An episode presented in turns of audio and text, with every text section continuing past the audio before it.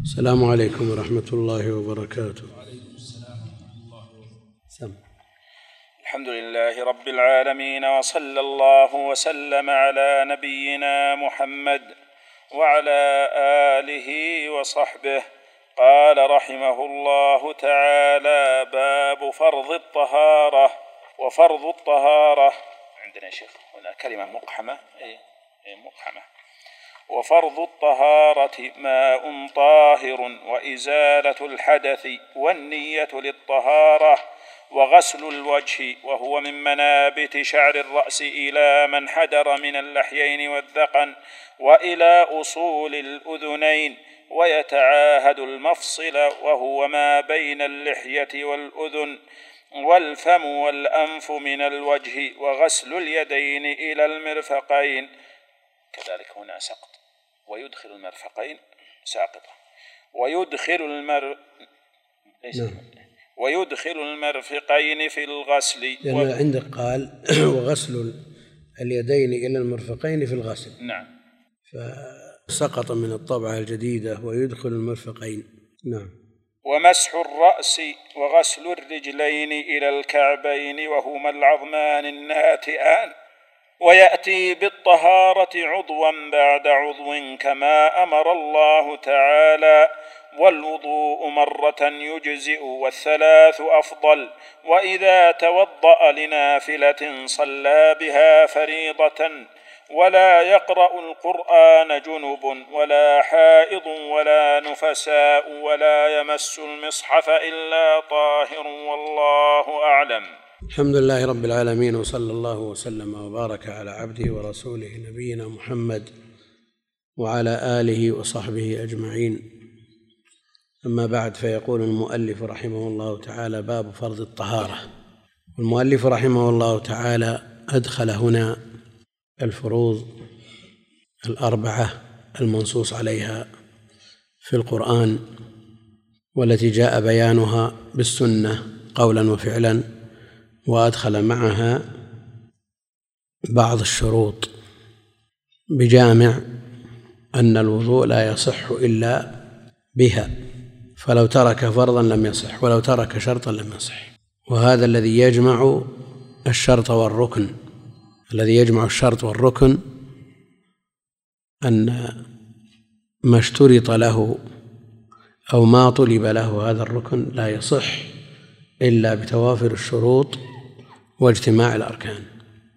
لكن الفرق بين الشروط والأركان أن الشروط خارج الماهية والأركان داخل الماهية. خارج الماهية والأركان داخل الماهية. فهناك فرق. لو نظرنا إلى شيء واحد اختلف فيه بين أهل العلم هل هو شرط أو ركن. ثم ذكرنا الآثار المترتبة على هذا الخلاف. اتضح لنا أنه لا بد من فصل الشروط عن الأركان. لا بد من فصل الشروط عن الأركان. وعذر المؤلف أنه متقدم. يعني قبل استقرار الاصطلاحات. قبل استقرار الاصطلاحات الدقيقة التي اعتمدها المتأخرون. فهذا المتن من أوائل المتون التي صنفت في هذا الفن ولا بد أن يحصل مثل هذا. وما دام الجامع بين الشرط والركن عدم الصحة فلا فرق من هذه الحيثية. لكن مثل ما ذكرت شيء واحد اختلف فيه هل هو شرط أو ركن؟ وذكر على هذا الخلاف آثار مترتبة مثل تكبيرة الإحرام. تكبيرة الإحرام عند عامة أهل العلم الجمهور أنها ركن من أركان الصلاة والحنفية يرون أنها شرط. قد يقول قائل لا فرق لا فرق. بين هذا وهذا لأن الصلاة لا تصح بدون نية سواء قلنا شرط أو ركن. لكن ذكروا من آثار الخلاف بعد تصور حقيقة الشرط وحقيقة الركن أن الشرط يكون خارج الماهية والركن داخل. وعلى هذا لو كبر وهو حامل النجاسة ثم وضعها عند آخر التكبير أو مع آخر التكبير صلاته صحيحة ولا باطلة؟ عند الحنفية صحيحة لأنه حملها خارج الصلاة. وعند الجمهور باطلة لأنه حملها داخل الصلاة. إيش معنى خارج الصلاة؟ هل تكبيرة الإحرام منفصلة عن الصلاة كسائر الشروط؟ هل معنى هذا أن له أن يكبر في بيته ثم يأتي ليصلي في المسجد كما أن له أن يتوضأ في بيته ثم يأتي ليصلي في المسجد؟ لا ليس هذا مرادهم.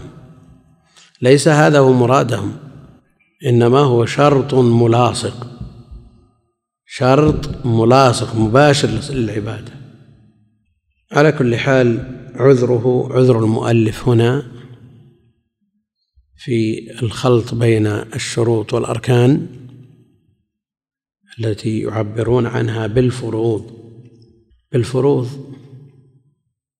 وهناك مناقشات حول تسمية هذه الأمور المطلوبة وأجزاء الوضوء حول تسميتها فروض وحقيقتها أركان ولا فروض؟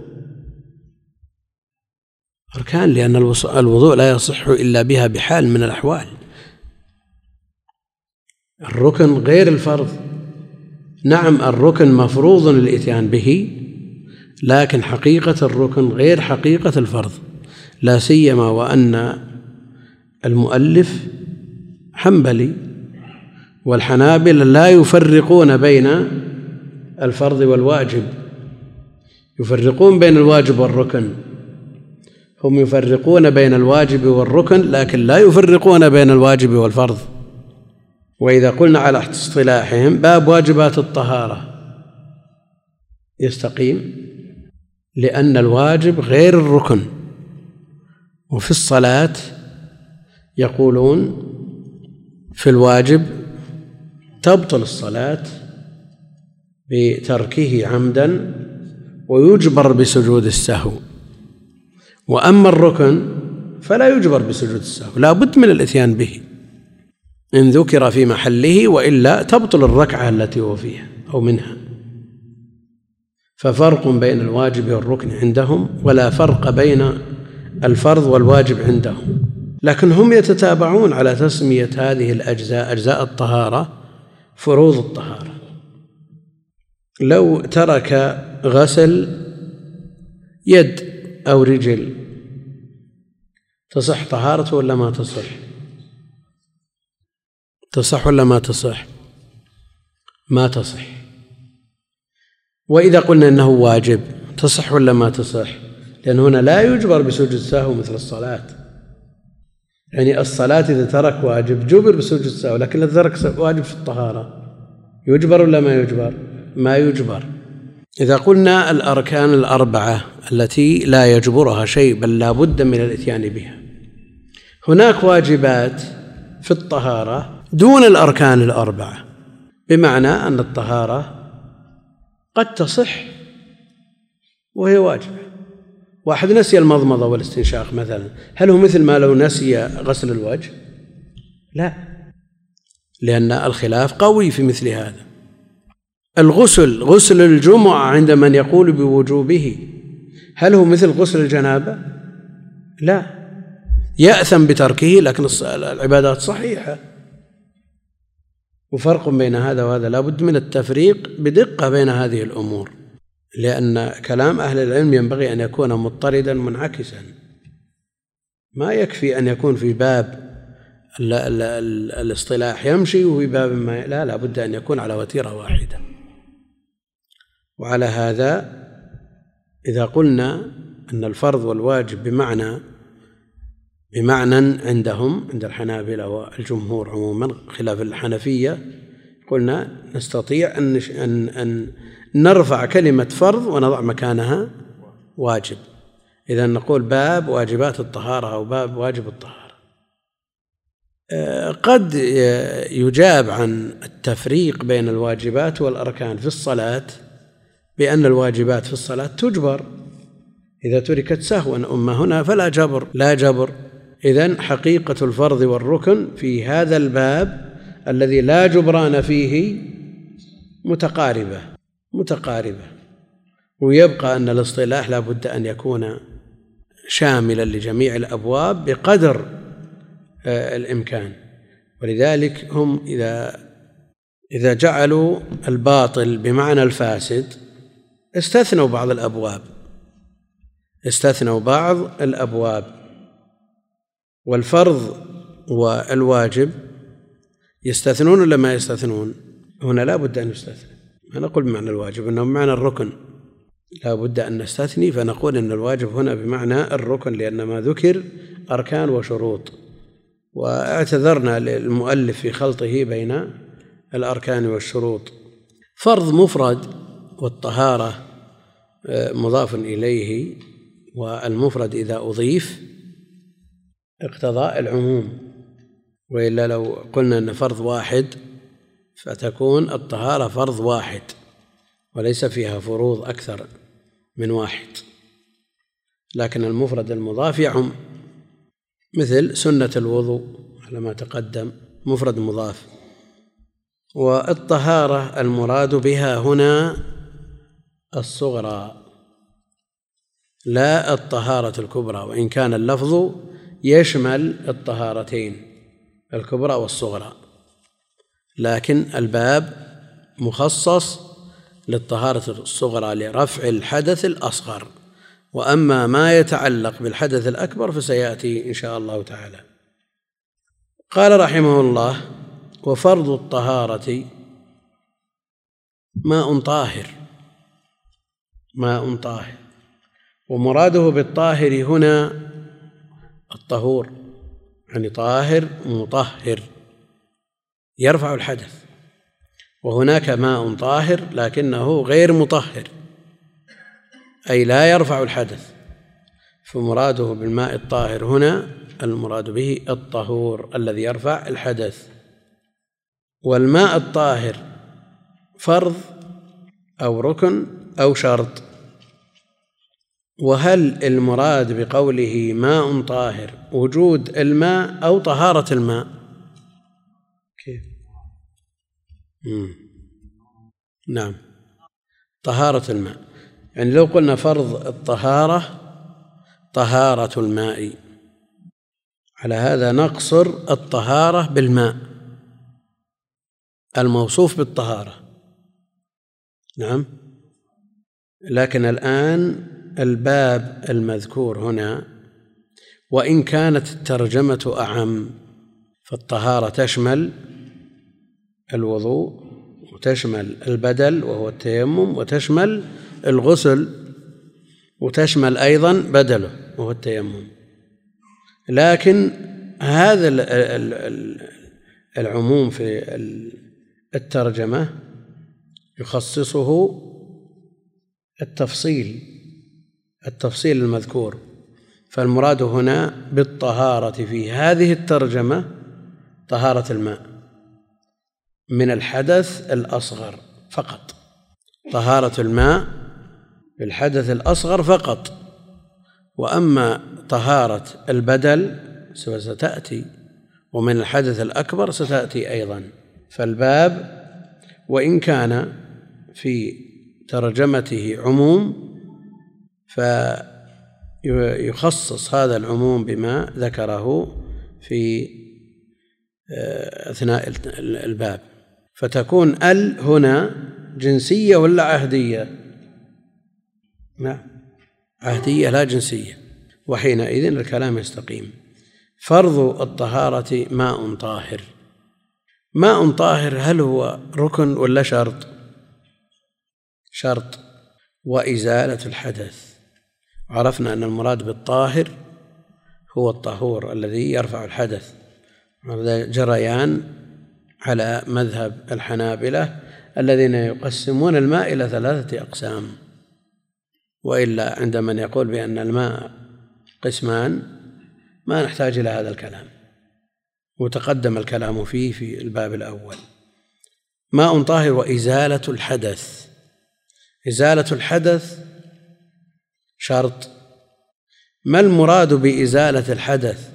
هل هو هل المراد به أعني الحدث الوصف القائم بالبدن الذي يمنع من الصلاة وما في حكمها أو المراد به ما يخرج من البدن مما يبطل الطهارة.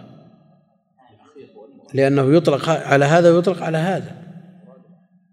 فهل المراد بالحدث لأن حدث يطلق ويراد به الوصف المعنوي القائم بالبدن. ويطلق ويراد به ما يخرج من البدن مما يبطل الطهارة ويترتب عليه تنجيس المحل. إزالة الحدث المراد به إزالة الأثر أثر الخارج من السبيلين أثر الخارج من السبيلين أثر البول وأثر الغائط. لا بد من إزالته وهذا شرط لصحة الطهارة. شرط لصحة الطهارة. إزالته تكون بالاستنجاء بالماء أو بالاستجمار بالأحجار. ولذا يقول أهل العلم ولا يصح قبلهما وضوء ولا تيمم. لا يصح قبل الاستنجاء أو الاستجمار وضوء ولا تيمم. وهذا الذي مشى عليه المؤلف وهو قول أكثر العلماء أن لا تصح الطهارة إلا بعد الاستنجاء أو الاستجمار. منهم من يرى أن الأثر أثر النجاسة على السبيلين لا يختلف عن النجاسة على سائر البدن. يعني لو كان في ظهره أو في على فخذه أو كتفه نجاسة يتوضأ ولا ما يتوضأ؟ ثم يزيلها أو يزيلها ثم يتوضأ؟ لا يختلف الحكم يتوضأ ثم يزيلها أو العكس لا فرق. فالقول الثاني في المسألة أنه لا فرق بين أن تكون النجاسة على محل الخارج على السبيلين أو على غيرهما في أي جزء من أجزاء البدن. نعم. إلا ما يلزم يعني بحائل أو شيء. بالأحجار لن يمس. ما أظن مثل هذا بعيد. يعني هم يمرون بأشياء تحتاج إلى احتياط أكثر من هذا. لا لهم يشترطون ولا يصح قبلهما وضوء ولا تيمم. وهذا القول هو المرجح عند أهل العلم عند عامة أهل العلم هو مرجح.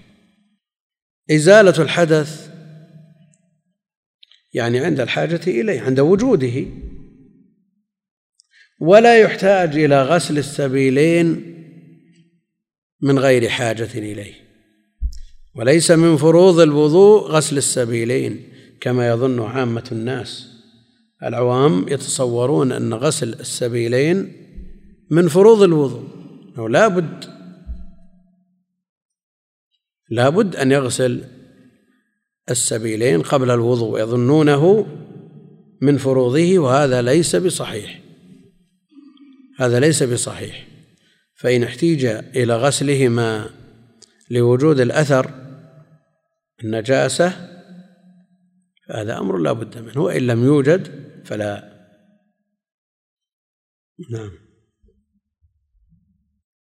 والقول بنجاسته يكون حكمه حكم البول. نعم وعلى القول بطهارته وقيل بذلك لا. وأيضا هو مبطل للوضوء بلا شك وهو نجس لأن لأن النبي عليه الصلاة والسلام أمر عليا أن يغسل ذكره في رواية وأنثيه فهو نجس وإن لم يكن كنجاسة البول يعني هو نجس لكن نجاسة مخففة ولذا جاء فيه انضح فرجك. فإذا قلنا بهذا لا بد أن يبدأ به مثل الأثر الخارج. لا بد. الحدث أقول لا يغسل السبيل إلا عند الحاجة إليه يعني وجود نجاسة من أثر الخارج ولا حاجة لغسله دون ذلك. والريح لا تضر ولا يلزم غسل السبيل منها ولا يلزم غسل السبيل منها. وجاء في خبر لكنه ضعيف من استنجى من الريح فليس منا الحديث ضعيف لكن آه، الإجماع قائم على أنه لا يستنجى من الريح خلافا لبعض طوائف المبتدعة كالزيدية. يغسلون ويخلعون سراويلهم عند الصلاة لأنها تنجست بالريح. المقصود أن مثل هذه الخلافات تذكر لمجرد العلم بها وإلا لا عبرة بأصحابها وأربابها ولا أثر لها وجودا ولا عدما يعني ما ما تخرق الإجماع. وإزالة الحدث والنية النية شرط لصحة الطهارة سواء كانت الطهارة أصلية أو بدل يعني سواء كانت بالماء أو بالتيمم بالتراب الصعيد لا بد منها. وهذا قول جماهير أهل العلم. إنما الأعمال بالنيات وإنما لكل امرئ ما نوى. وهذا حصر. وجاء في رواية لا عمل إلا بنية. وإنما الأعمال بالنية. فالمسألة التي النية شرط لكل عبادة. شرط لصحة كل عبادة. فلا بد من توافر شرطين لصحة كل عبادة لتكون العبادة مقبولة أن يقصد بها وجه الله جل وعلا وأن يتبع النبي عليه الصلاة والسلام فيها. فلا بد من الإخلاص والمتابعة. لتكون العبادة صحيحة فهما شرطان. هما شرطان. ومنهم من يقول هي شرط واحد النية. إخلاص العمل لله جل وعلا كافي لماذا؟ لأنه من لازم الإخلاص أن يكون العمل على هدي النبي صلى الله عليه وسلم. فالعمل الذي ليس فيه إخلاص ليس من هديه. ليس من هديه عليه الصلاة والسلام. والعمل الذي فيه الإخلاص لا بد أن يكون مطابقا. فالعمل الذي ليس عليه أمره ولا عمله عليه الصلاة والسلام هذا ليس بخالص. لكن عامة أهل العلم يذكرون الشرطين. ومنهم من يعكس من يقول يكفي الاتباع يكفي شرط الاتباع لأن العمل الخالص لم يتحقق فيه الاتباع. ولكن التنصيص على الشرطين للعناية بهما والاهتمام بهما وتذكرهما لأن الإنسان قد يغفل قد يغفل عن هذا الشرط وهو شرط آه، في غاية الأهمية. فلا تصح عبادة إلا أن يكون المراد بها وجه الله جل وعلا وأن تكون على هدي النبي عليه الصلاة والسلام. والنية هي مجرد القصد. هي مجرد القصد. ويقول أهل العلم في كتب اللغة وأيضا كتب الشريعة يقولون النية لغة القصد يقال نواك الله بكذا أي قصدك. ونعرف أن ما يضاف إلى الله جل وعلا لا بد أن يكون فيه خبر توقيف فلا يضاف إلى الله جل وعلا شيء إلا قد إلا وقد ثبت به الخبر. أما ما يضاف إليه من أسماء وصفات فهذا مفروغ منه وأنه لا بد أن يكون عن توقيف. لا بد من دليل السمع فيه. وأما الإخبار عن الله جل وعلا بمثل هذا فيتوسعون فيه. فيتوسعون في مثله. فالنية لغة القصد. وهي باب ابتلاء عظيم لكثير من الناس. يقول النية شرط ومقتضى كونها شرط أن يهتم المسلم بها لئلا تبطل عبادته. ومقتضى هذا الاهتمام أن يزيد بعض الناس في الاحتياط لهذا الشرط لئلا يتطرق الخلل إلى عبادته ولا يشعر. لأنه ليس بشرط مرئي. الشروط المرئية والأركان يراها الإنسان بنفسه غسل يده وانتهى. لكن هذا عمل قلبي قد يحضر وقد يعزب ثم يحصل التردد من قبل المكلف ثم يدخل في الوسواس وهو فرصة الشيطان. فإذا توضأ قال ما أدري أنا نويت ولا ما نويت. ثم يسترسل في ذلك. وبدلا من أن يحتاج الوضوء إلى نية واحدة والنية هي مجرد القصد إلى مكان الوضوء وغسل الأطراف. هذه النية. يعني كونك تقف أمام الصنبور الماء وتفتح وتغسل يديك ووجهك ويديك إلى آخره خلاص هذه النية. لكن أحيانا بعض الناس اعتاد أنه كل ما دخل الدورة يتوضأ. تلقائيا. مثل هذا لا بد أن يستحضر لأنه قد يتوضأ من غير شعور. مثل هذا لا بد أن يستحضر. وبعض الناس يسترسل به الشيطان في هذا الباب إلى أن يدخله في حيز الجنون. يسأل سائل يقول كل عقدة من عقد الأصابع لها نية خاصة. يحتاج إلى نية خاصة. لا عقل ولا نقل كيف يحتاج إلى نية خاصة؟ واحد في الساعة الثامنة من صباحا في أيام الشتاء. الآن صلاة العشاء لها ثلاثة عشر ساعة. يقول عجزت أن أتوضأ لصلاة العشاء. ترتب على هذا أنه ترك العمل وترك أنا ما باقي إلا خيط. فيقال لك لا تصلي. عذاب هذا ما صار تكليف. امتحان من الله جل وعلا لكن تعدى. والشيطان يفرح بمثل هذا.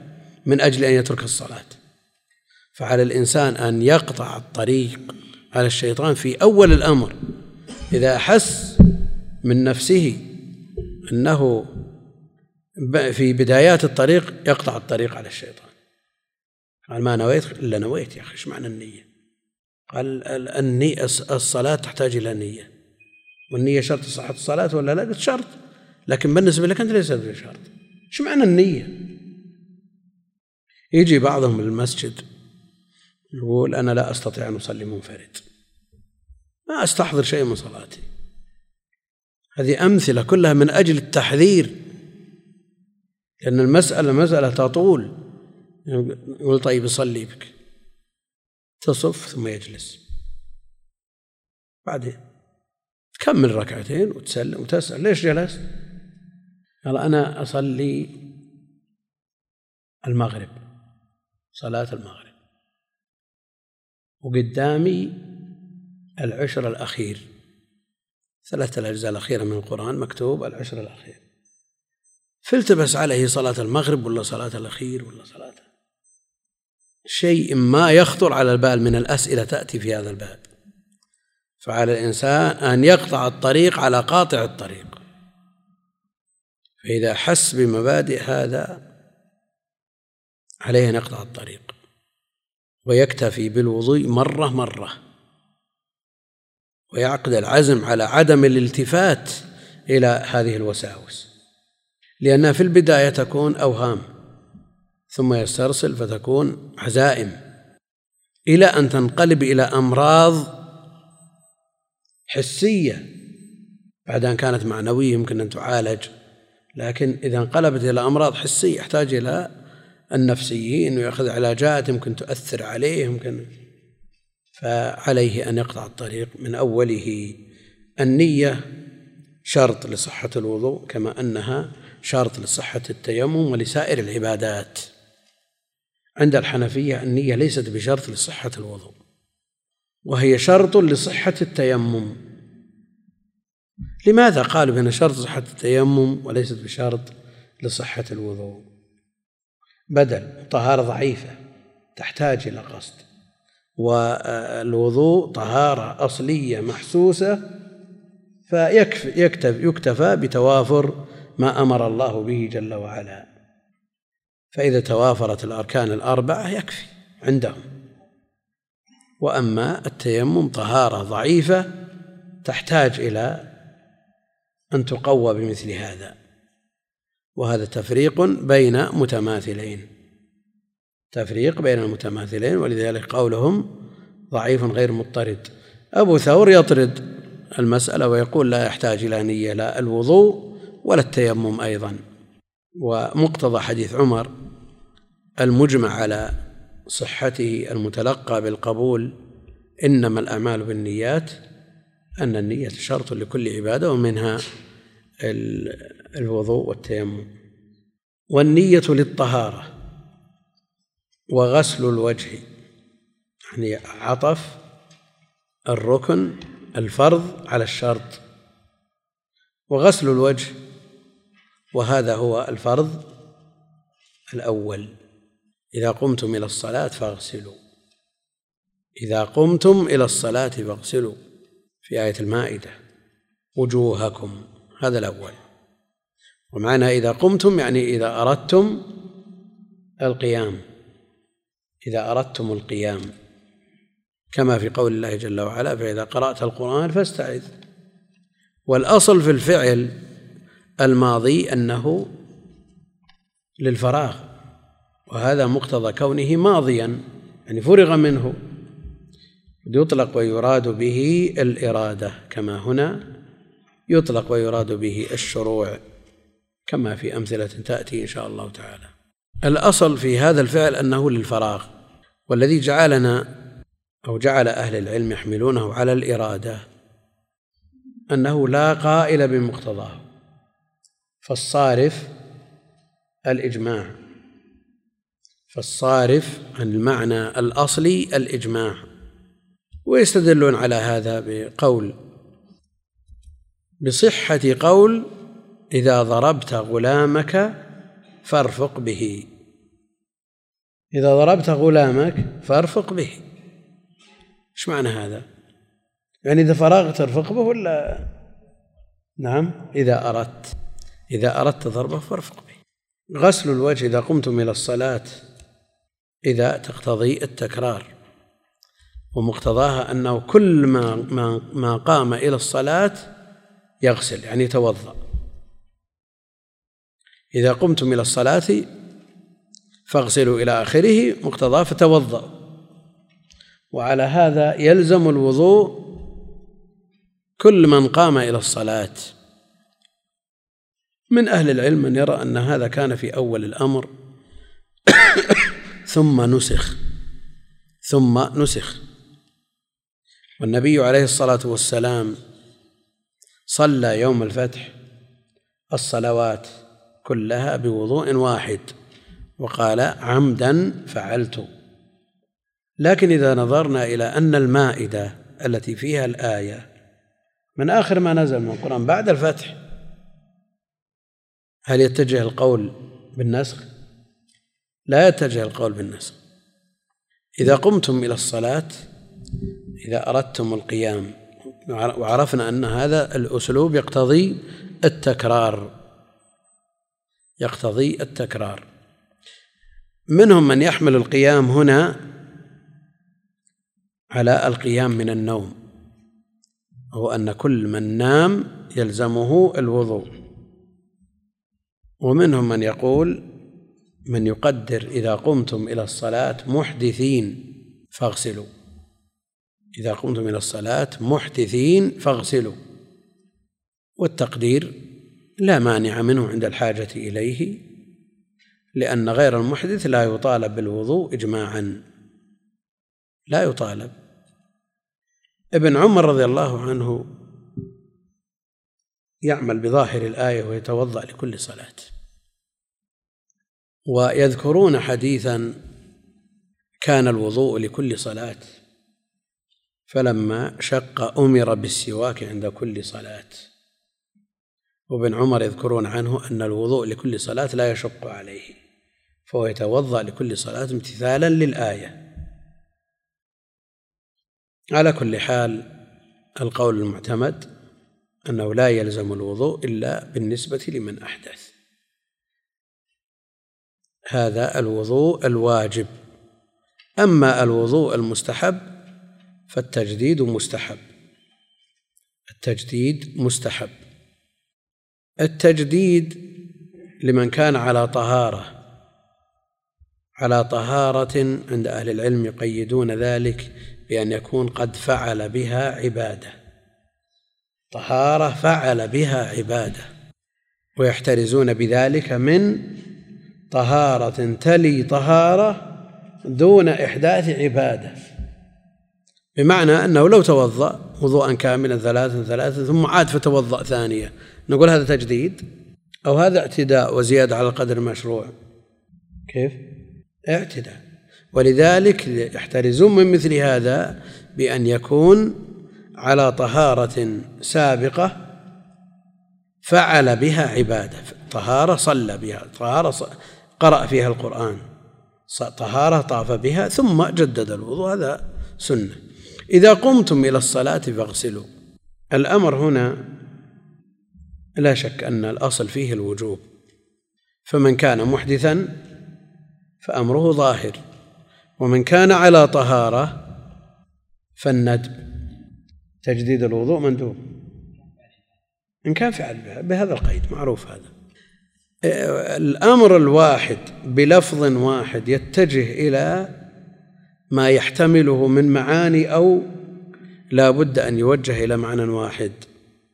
يعني اللفظ المشترك يحمل على جميع معانيه أو لا بد أن يحمل على واحد من معانيه.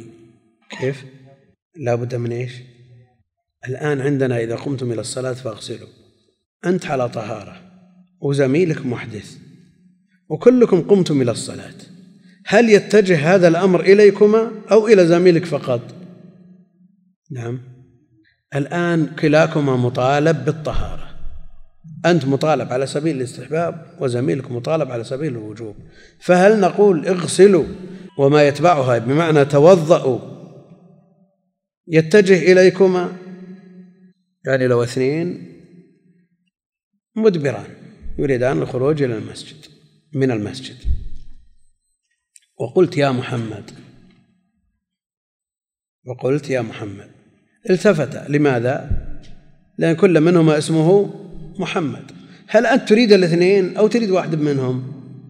يعني هل المتكلم حينما يتكلم باللفظ المشترك يريد جميع المعاني أو يريد واحد؟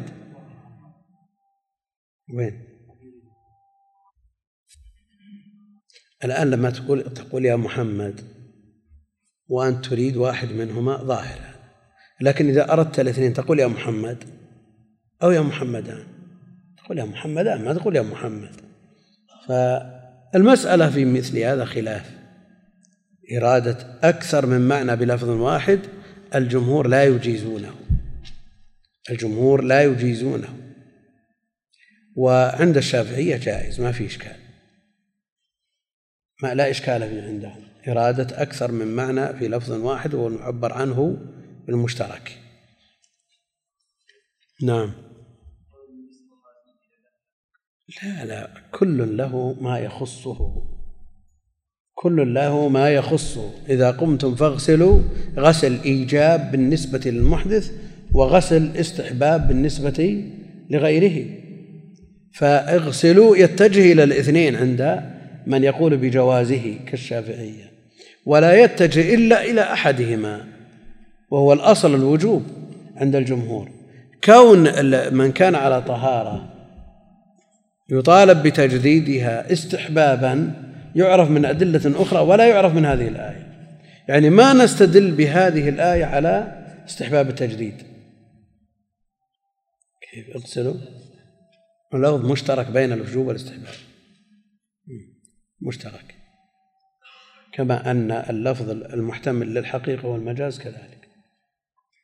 هو أمر والأمر يحتمل الوجوب ويحتمل الاستحباب. وما دام الاحتمال قائما فهو متجه إلى من يجب عليه وإلى من يستحب له هذا عندهم. حتى يتوضأ. إيه. كلام على هذا الأمر هو بيحتمل معنيين. ظاهر اللفظ يحتمل معنيين.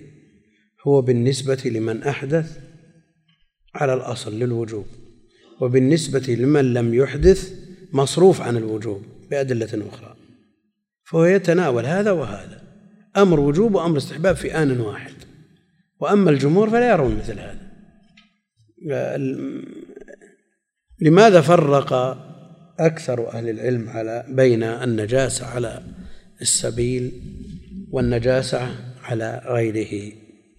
فاشترطوا لصحة الوضوء والتيمم إزالة ما على السبيل من نجاسة ولم يشترطوا ذلك في ما على غيره من النجاسات سائر أعضائه. نعم. هذا المصدر. يعني هم الأصل في النجاسة. يعني واردة. يفرقون بين الوارد والمورود. نعم. لا التحرز منها. وارد وواجب ولا بد منه الاحتياط لها أكثر وأشد. نعم. نعم. لعل هذا هو المنقول عن النبي صلى الله عليه وسلم. يعني مجرد فعل. إذا قضى حاجة عليه الصلاة والسلام بدأ بغسل موضع النجاسة ثم توضأ عليه الصلاة والسلام. يتبع بأداوة فيقضي حاجته ثم يغسل موضع الحاجة أو يستجمر عليه الصلاة والسلام ثم يتوضأ بعد ذلك. لكن هل يجوز إبقاء النجاسة؟ تركه حتى يتوضأ. لا يستنزه من بوله لا يستبرئ من بوله. يجوز ولا ما يجوز؟ قضية يا شيخ هل يتقدم عليها الوضوء أو يتأخر؟ أما حديث لا يستنزه من بوله لا يلزم منه التقدم والتأخر. لا يعني إنه معناه إنه بيتوضأ وترك. ترك. ثم يغسل فيما بعد حديث الاستنزاه لا ليس فيه دلالة ظاهرة. ما يدل دلالة ظاهرة اذا إذا قلنا إنه مباشرة توضأ ثم استنجى. لكن ماذا عما لو ترك؟ قال من متوضي حتى يأتي وقت الصلاة. وما دام يصح الوضوء قبل ما بترك الان لا لا ما يلزم. مس الفرج بحائل ما في إشكال. بحائل ما في إشكال. لا مزاولة النجاسة في الجملة مع عدم مع إمكان الانفكاك منها ما يجوز. أي ما يجوز. مع إمكان الانفكاك منها نعم. لا وإذا قلنا أن الخارج هو الحدث الواجب رفعه. هو الحدث نفسه الواجب رفعه. يعني إذا قلنا أن الحدث يتناول الأمرين تناولا واحدا مثل ما قلنا عن الشافعية وأنه لا ينفك هذا من هذا. لفظ الحدث يتناول الوصف القائم مع ما يوجب الوضوء وهو الخارج من السبيلين. قلنا إنه لا بد من رفعهم. رفع ما نعم. اغسل ذكرك في حديث علي. وين؟ لا ما بنص. ما بنص. نعم. لا يقبل الله صلاة من أحدث. هو محدث. فجعلوا الحدث يشمل الأمرين. إيه يقول ما زال في وصف الحدث لكن برفعه بعد الوضوء. أما أما بالنسبة للكلام العام اللي يمكن أن آه، يتصور ذهنيا وإن لم يكن ملزم شرعا فالتخلية قبل التحلية هذا أمر واضح ذا. وأنه لابد من من الفراغ البراءة من النجاسة ثم بعد ذلك يتوضأ لكن يرد عليه النجاسة على غير السبيل. نعم. لا وإذا فرغ من من مما يخرج منه ما يأمن أن يخرج بعد ذلك. نعم. كيف؟ يعني غير مسألتنا. تبي يأتي ذكرها إن شاء الله مع الفروض إن شاء الله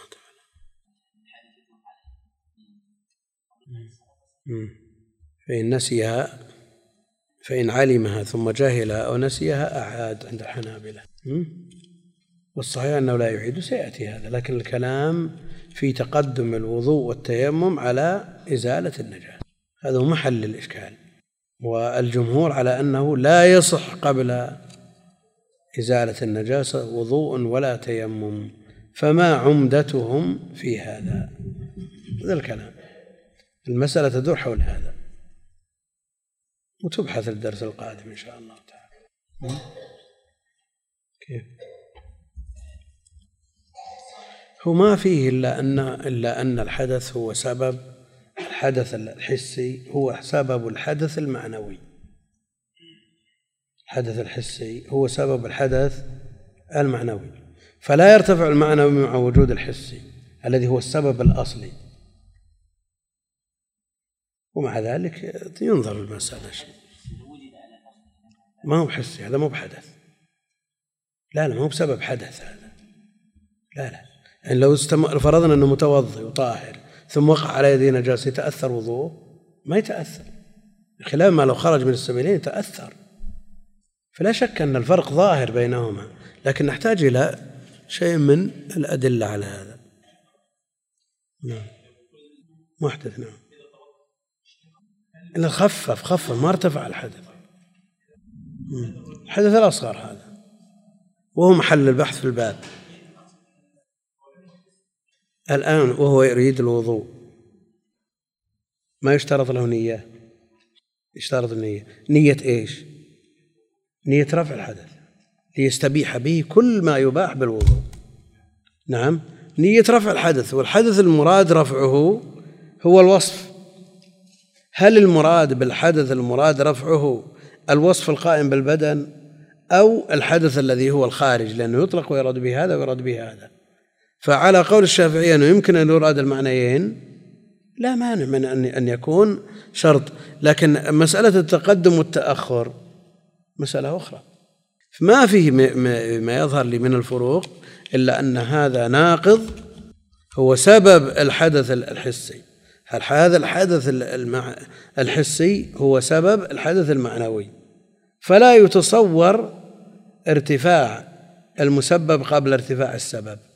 لأنه في الأصل متقدم عليه. هذا كلام الفقهاء الذي نحتاج نحتاج أن نستدل له لا نستدل به. هذا الكلام اللي آه، كررناه مرارا. لكن مثل هذا الكلام نحتاج أن نستدل له الآن آه، اللي يرجحه ابن قدامة صاحب المغني إنه يصح. يعني كغيره من النجاسات. فمثل هذا يحتاج إلى مزيد عناية. قال رحمه الله وغسل الوجه وهو من يعني تحديده من منابت شعر الرأس إلى من حدر من اللحيين والذقن وإلى أصول الأذنين يعني طولا من منابت شعر الرأس إلى من حدر من اللحيين والذقن. والأصل فيه ما تحصل به المواجهة ما تحصل به المواجهة. حده طولا من منابت شعر الرأس المعتاد. شعر الرأس المعتاد إلى من حدر من اللحيين والذقن ويخرج بالمعتاد من نبت على جبهته شعر. نقول يغسل ما دونه ولا يغسل ما يوازي المعتاد؟ ما يوازي المعتاد. وقل مثل هذا فيما لو انحسر شعره إلى نصف رأسه. يلزمه أن يغسل من رأسه إلى أن يصل إلى الشعر أو لا يلزم؟ لا يلزم إلى المعتاد. ولا بد من غسل جزء من الرأس لنجزم بأننا استوعبنا الوجه. من باب ما لا يتم الواجب إلا به فهو واجب. ولذلك يقولون تمثيلا لهذا كغسل جزء من الرأس. تبعا للوجه وإمساك جزء من الليل لأن هذا لا يتم الواجب إلا به فيكون حينئذ واجبا. من منابت شعر الرأس إلى من حدر من اللحيين والذقن. من حدر عرفنا فيما تقدم أن اللحية الكثيفة تخلل تقدم تقليل اللحية وحكمه وكيفيته. لكن ما استرسل من اللحية. يغسل تبعا للوجه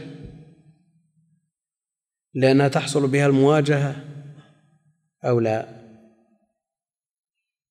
أو نقول هو مثل ما استرسل من شعر الرأس وأنه لا يتبع الرأس. يعني لو للإنسان لو كان للإنسان شعر طويل من خلفه يلزم مسحه ولا ما يلزم؟ عند من يقول بمسح جميع الرأس. إذا اللحية إذا استرسلت وطالت يلزم غسلها إلى آخرها أو ما تحصل به المواجهة.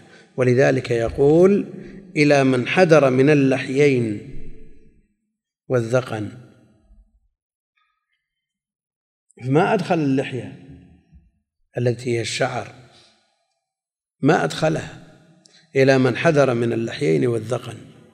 فما استرسل من اللحية منهم من يقول إنه تحصل به المواجهة كما لو كان الشعر في حدود الوجه وفي داخله يجب غسله لأنه تحصل به المواجهة.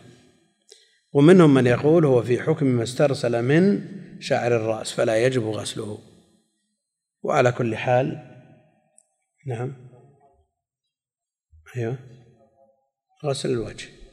الوجه الوجه. غسل الوجه. اغسلوا وجوهكم. الوجه ما تحصل به المواجهة. المقصود الوجه. وكل من الشعر الذي في الوجه واسترسل من شعر الرأس كلاهما شيء طارئ على المفروض. لا أصلي. فإذا قلنا ما تحصل به المواجهة هو ما في حيز الوجه الأصلي. فيكون ما استرسل منه ولذلك تحديدهم هنا اللحيين والذقن ما يدخل اللحية. ما يدخل اللحية. بناء على أن هذا قدر زائد على المفروض. ويدخلون تخليل اللحية في السنن وليس من الواجبات. بينما لو كانت اللحية خفيفة وجب إيصال الماء إلى ما تحتها من البشرة. لأن ما خرج أو ما ظهر فرضه الغسل. وعلى كل حال المسألة خلافية والاحتياط أن تغسل مع أن تغسل اللحية مع الوجه. يعني هذا ثابت وهذاك يطرأ عليه ما يطرأ. على كل حال هل المسألة لغوية هل تدخل اللحية في الوجه أو لا تدخل؟ إذا قلنا أن الأصل المواجهة الأصل المواجهة. أو أن نقول هذه هذا شيء طارئ على الوجه والوجه حددوه بأنه إلى الذقن إلى من حذر من اللحيين والذقن اللي هو الوسط. العيون العيون العيون تصل تحصل بالمواجهة نعم. أما كونها تحصل بها المواجهة تحصل. تحصل بها المواجهة لكن هل كل ما تحصل به المواجهة طردا وعكسا أو لا تحصل به المواجهة يجب أو لا يجب يأتينا في المضمضة والاستنشاق. يأتينا في المضمضة والاستنشاق. هل هي داخلة فيما تحصل به المواجهة؟ بمعنى أن الإنسان يواجه غيره فاغرا فاه يلزم ولا ما يلزم؟ لا ما يلزم. يأتي هذا في المضمضة والاستنشاق تكميل إن شاء الله. لا لو قلت يثبت تبعا ما لا يثبت استقلالا ممكن. نكمل إن شاء الله فيما بعد. اللهم صل على محمد.